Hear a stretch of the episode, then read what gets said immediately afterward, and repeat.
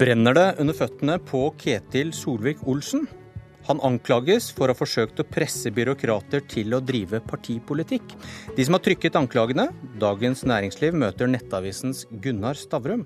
En fillesak, skrev han. Var det bare varmen fra peisen Solvik-Olsen kjente mens han satt der og skrev brev til kontrollkomiteen? For i brevet som kom i går, avviser samferdselsministeren all kritikk. Han nekter for å ha fjernet sin informasjonssjef fra stillingen. Han nekter for å ha forsøkt å få henne til å drive partipolitikk. Sjefredaktør i Nettavisen Gunnar Stavrum, hva er det som gjør at du kalte dette en fillesak? Jeg syns det er en fillesak for Stortingets kontroll- og konstitusjonskomité. Fordi at det ikke er en personalsak. Uh, og jeg syns saken er så uklar at den heller ikke er en god prinsipiell sak for, eh, for fordelinga mellom eh, politikk og saksbehandling i byråkratiet. Har Dagens Næringsliv gått seg vill i blodtåka i jakten på en statsråd?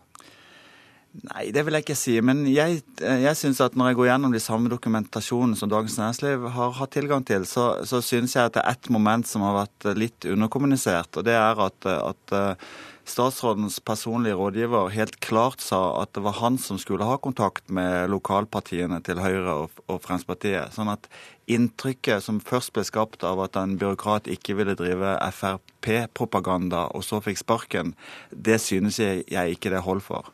For det er da når statsråden skulle på tur langs E6, og spørsmålet var om hvem som skulle kontakte lokale Frp-lag i forkant av turen. og Eva Grinde, kommentator i Dagens Næringsliv. Føler du deg ydmyk eller kampklar i møte med Gunnar Stavrums innvending her?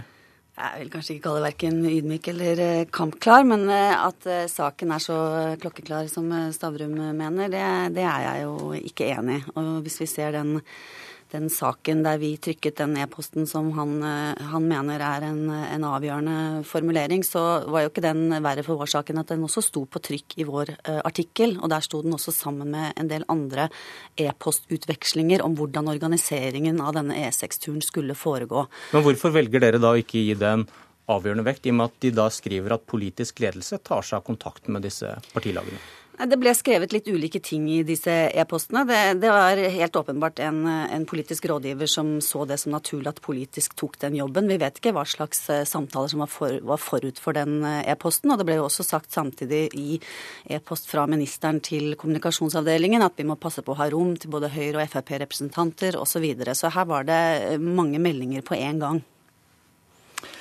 Altså jeg, jeg, tror, Selv om denne saken kanskje ikke er så glassklar Det er vel to hovedversjoner denne saken. Det er, uh, Versjon én er at uh, rådgiveren følte seg pressa ut etter å, å, ikke ville hjelpe Frp. Den andre versjonen som kom i går, når Kjetil Solvik-Olsen svarte på kritikken, er at han ikke var fornøyd med samarbeidet og, og arbeidet som denne rådgiveren gjorde. Men jeg syns problemstillinga er veldig interessant. og Den går på i hvor grad skal byråkratiet hjelpe den til hver tid sittende eh, statsråd til å skinne på sitt politiske område? Og, og hva kan vi forvente av byråkrater som den ene dagen skal være eh, skal hjelpe Senterpartiet, og neste dag skal hjelpe Fremskrittspartiet. Det syns jeg er en interessant problemstilling. Hva har vi lært av den saken her, da? Det jeg har lært, det er at eh, det har skjedd en god del siden Max Weber lagde sin byråkratiteori, hvor liksom det skal være saklighet, det skal være regler, det skal være, det skal være eh, rettssikkerhet i byråkratiet, til i dag hvor, hvor, politikk og politiske beslutninger er så innvevd med informasjon og kommunikasjon om de samme tingene, at jeg, jeg tror at eh, Eh, at, at, det kommer til å skje endringer der, hvor mer av informasjonsarbeidet uansett kommer til å ligge nærmere den politiske ledelsen enn, enn å være i byråkratiet. Grinde, nå står vi med ord mot ord. En tidligere informasjonssjef og en tidligere departementsråd som hevder at Solvik-Olsen ville presse embetsverket til å drive partiarbeid. Og han selv da, som avviser dette blankt. Og hvordan får vi vite hvem som snakker sant, da? Det som er veldig påfallende med det brevet som eh, kom fra Solvik-Olsen i går, er jo at nettopp virkelighetsforståelsen står helt mot hverandre mellom de to øverste lederne i det departementet, altså den tidligere departementsråden Eva Hildrum og ham. Så her må hun altså ha misforstått fullstendig eh, i to år, for hun opplevde at hans eh, personlige misnøye med kommunikasjonssjefen, som var hennes nærmeste underordnede, handlet om at hun var, ikke var villig til å utføre politiske oppdrag. Altså at det var et, et politisk press. Sånn oppfattet hun situasjonen. Så vi er ikke til bunns i denne saken med dette brevet heller. Men bør man da, du, du, Ditt svar er jo nei, Stavrum, men bør da kontrollkomiteen ha en høring, så man får Hildrum i tale, for å høre hva, hva hun mener og hva hennes motiver er? Det kunne være interessant, og jeg er helt enig med Stavrum også at det er en interessant videre diskusjon her om forholdet mellom embetsverk og, eh, og, politikere. Det er ikke sikkert at man skal eh, akkurat eh, hive hele embetsverkstankegangen og uavhengigheten ut med badevannet, men at, at, mulig, at, politisk ledelse muligens trenger å styrke sin informasjonsstab med noen flere politiske sånne ting, er jo mulig. Så det er jo en debatt videre i kjølvannet av denne saken her. For når journalistikken kommer til kort og Hildrum sier at jeg vil ikke si noe mer enn dette notatet, da kan kanskje en høring hjelpe oss videre, gitt at problemstillingen er viktig, da, Stavrum? Ja, men vi kan jo ikke ha det sånn at, at eh, Stortingets kontroll- og konstitusjonskomité skal være, være, vårt hjelpende organ i saker vi ikke kommer til bunns i. Det som, eh, Vi skal knytte noen ord til det. så synes jeg Det er en uskikk som egentlig tok, tok, fart i forrige regjeringsperiode, hvor, hvor denne kontrollkomiteen etter hvert har på en måte fått en veldig klar politisk rolle. Altså, og Da spiller på en måte opposisjonen på lag med, med journalister for å plage statsråder. Og det, jeg syns at man skal være litt kritisk til uh, sakenes størrelse størrelse før man løfter det inn i, den, i denne komiteen. Vi får se. De ville ikke si noe i går, de sier noe neste uke. Gunnar Stavrum, Eva Grinde, takk for at dere kom.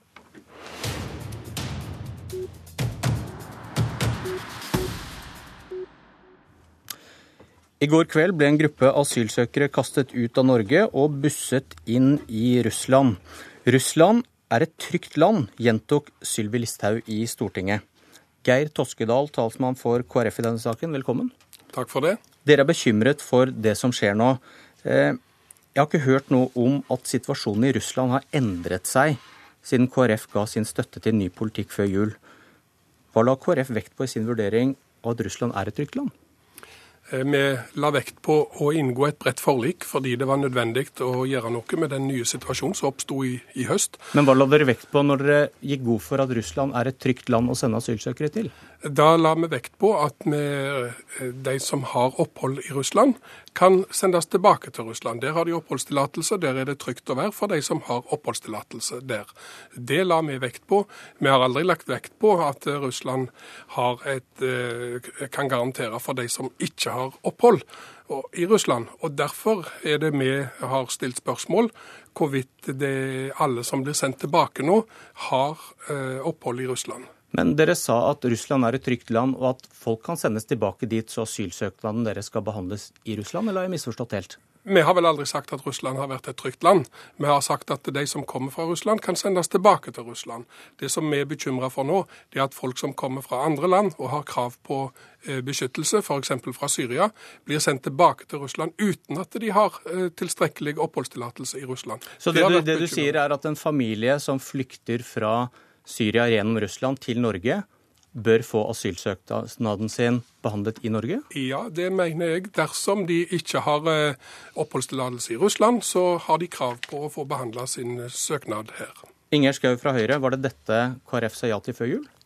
Det jeg opplever at vi fikk et bredt forlik om, det var uh, i flere runder før jul, faktisk. Vi hadde jo en lovendring også allerede i, uh, i november, men så kom det brede forlik om, om innstramninger. Og jeg opplever vel at uh, det var en bred enighet der om at vi skulle ha innstramminger, og de virker. Det kom altså 30 000 i fjor, 120 over Storskog hver eneste dag. Og effekten av de innstramningene som Kristelig Folkeparti var med på, det var jo at de skulle returneres, at vi skulle gi opp opphold til de som hadde reelle eh, beskyttelsesbehov, men så skulle de også returneres, de som ikke hadde det. Og i all hovedsak så er jo de som har kommet over Storskog, ikke syrere.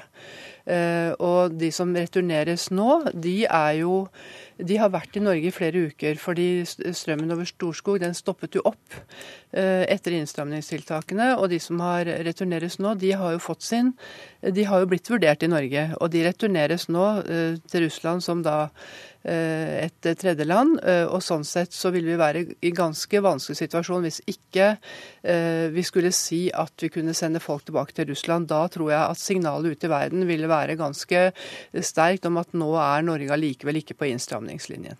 Hva ville konsekvensene ha blitt, Toskedal? Altså, Vi mener at de som skal, eh, ikke har rett på opphold, de skal sendes tilbake. Der er vi helt enige. Og vi er enige at det måtte en ny politikk til. Eh, men det som vi har stilt spørsmål ved, det var jo nå når det kom så mange rapporter fra Amnesty, fra FN, fra andre, fra advokater osv. om at praksis av det vedtaket eh, ble praktisert så strengt at folk som kanskje burde få vurdert sin asylsøknad i Norge, også ble sendt tilbake til Russland, uten at de dermed hadde oppholdstillatelse tilstrekkelig. De kan ha hatt et transittvisum, de kan ha hatt en besøksvisum, men vi mener at det kanskje må ses på på ny. At de får behandla sin søknad enten etter 48-timersregelen eller etter tre ukers eh, eh prosess. Det som har vært eh, utgangspunktet for eh, den instruksen som eh, Kristelig Folkeparti og vi var sammen om, det var jo at Russland var å anse som et trygt land. Ellers så ville vi være ganske en vanskelig situasjon for de som da er såkalte tredjelandsborgere. Men hvis det, hvis det er slik at man kan anta at de som kommer kan bli utsatt for tortur, forfølgelse, altså den type ting, så skal søknaden eh, behandles i Norge. Det ligger i avtalen, sånn at det er ikke noe nytt som kommer opp nå. Det, eh, og at Norge skal følge de ja, menneskerettighetsforpliktelsene, de internasjonale konvensjonene, det er det heller ingen tvil om. Det ligger også i det forliket. Eh, så det viktige nå er jo at ja, jeg bruke, jeg vet nesten ikke uttrykket jeg skal bruke, men det er viktig at vi er fast i fisken, altså. Uh, på at de innstramningene vi faktisk kom med, de forfølges. Altså de følger man opp fra norske myndigheters side. Og at vi ikke gir et signal ut i verden om at Norge nå allikevel ikke skulle mene det vi vedtok før, før jul. Fordi dette har virket. Og... Men det, det virker som om KrF ikke har sett for seg at de som kommer fra Afghanistan, Nepal, Syria og reise gjennom Russland, at de skulle bli avvist sånn som dere legger opp til nå? Altså det, det, jo også, det har kommet folk over Storskog, ikke nå, men før jul, når den store strømmen kom, så kom det jo også folk fra en rekke land som ikke, eh, da fra norske myndigheters vurdering, har behov for beskyttelse. Eh, og de rett, skal jo returneres. Eh, og det har i all hovedsak også, etter de opplysningene jeg har, ikke kommet syrere. Altså i hovedsak ikke kommet, det er mulig det er noen Nei, men Konsekvensen av det du ja. sier, er at hvis de har krav på beskyttelse, så er det Russland som skal gi det. Det er de som skal behandle ja, den altså, asylsøknaden. veldig mange av de har jo hatt opphold i Russland allerede. De har vært der i, i ja, men flere år. Selv de som kommer fra Syria, da, de skal få sin, ja, og, sitt beskyttelsesbehov vurdert av Russland, og så ikke av Norge? Jeg, så langt jeg er kjent med, så har heller ikke Russland sendt syrere tilbake. Altså, Det kan sikkert være unntak på det, men det er jo også eh, viktig å få med seg at, eh, at, Russland er jo også et land som eh, ser den konflikten eh, som, som syrere er i. Men jeg tror det er viktig for alle avtalepartnerne at vi er enige om at internasjonale forpliktelser skal eh, Norge holde på, og at vi også har en, en, individuell vurdering av hver enkelt. og Det er jo det som skjer nå når, når, vi sender folk tilbake til Russland. Så har de jo vært her i flere uker. De har fått blitt vurdert. Eh, og sånn sett er altså Russland et land som eh, også har gitt disse opphold i ulik varierende lengde, men da skal man tilbake dit. Men hva skal dere gjøre, Nordahl Torskedal? For jeg hørte jo Arbeiderpartiet i går, Senterpartiet, som støtter regjeringen. Så de har flertall uten dere. Men dere har kanskje litt makt likevel? Ja, altså vi samarbeider jo om dette forliket. Jeg er enig i at folk som ikke har eh, oppholds, eh, har grunnlag for, for beskyttelse, de skal, ta, de skal, ut så fort som mulig. Tar de seg til rette? Eh, at, forlik, at, de gjør noe nå som de ikke har dekning i forliket, som dere skrev under på? De bekymringene vi har fått denne uka, tyder på at praksis kan ha vært Og det, grunn, det har gitt grunn til bekymring. Så det er praksisen vi er ute etter. Og bunnplanken for oss er at vi oppfyller internasjonale menneskerettigheter og de konvensjonene som, som, landet er bundet av. Og Da mener vi at eh, vi må sikre at de som har behov for beskyttelse, ikke blir sendt tilbake til Russland dersom de kommer fra Syria, som har vært spesielt utsatt. Så jeg er enig i de andre landene. Vi, vi er jo enige i dette forliket om at eh, vi måtte gjøre noe på Storskog. Vi er enige i de innstrammingene. Det har Kristelig Folkeparti støtta og vært med å bidra til at de 18 punktene fra regjeringen ble 64 punkt.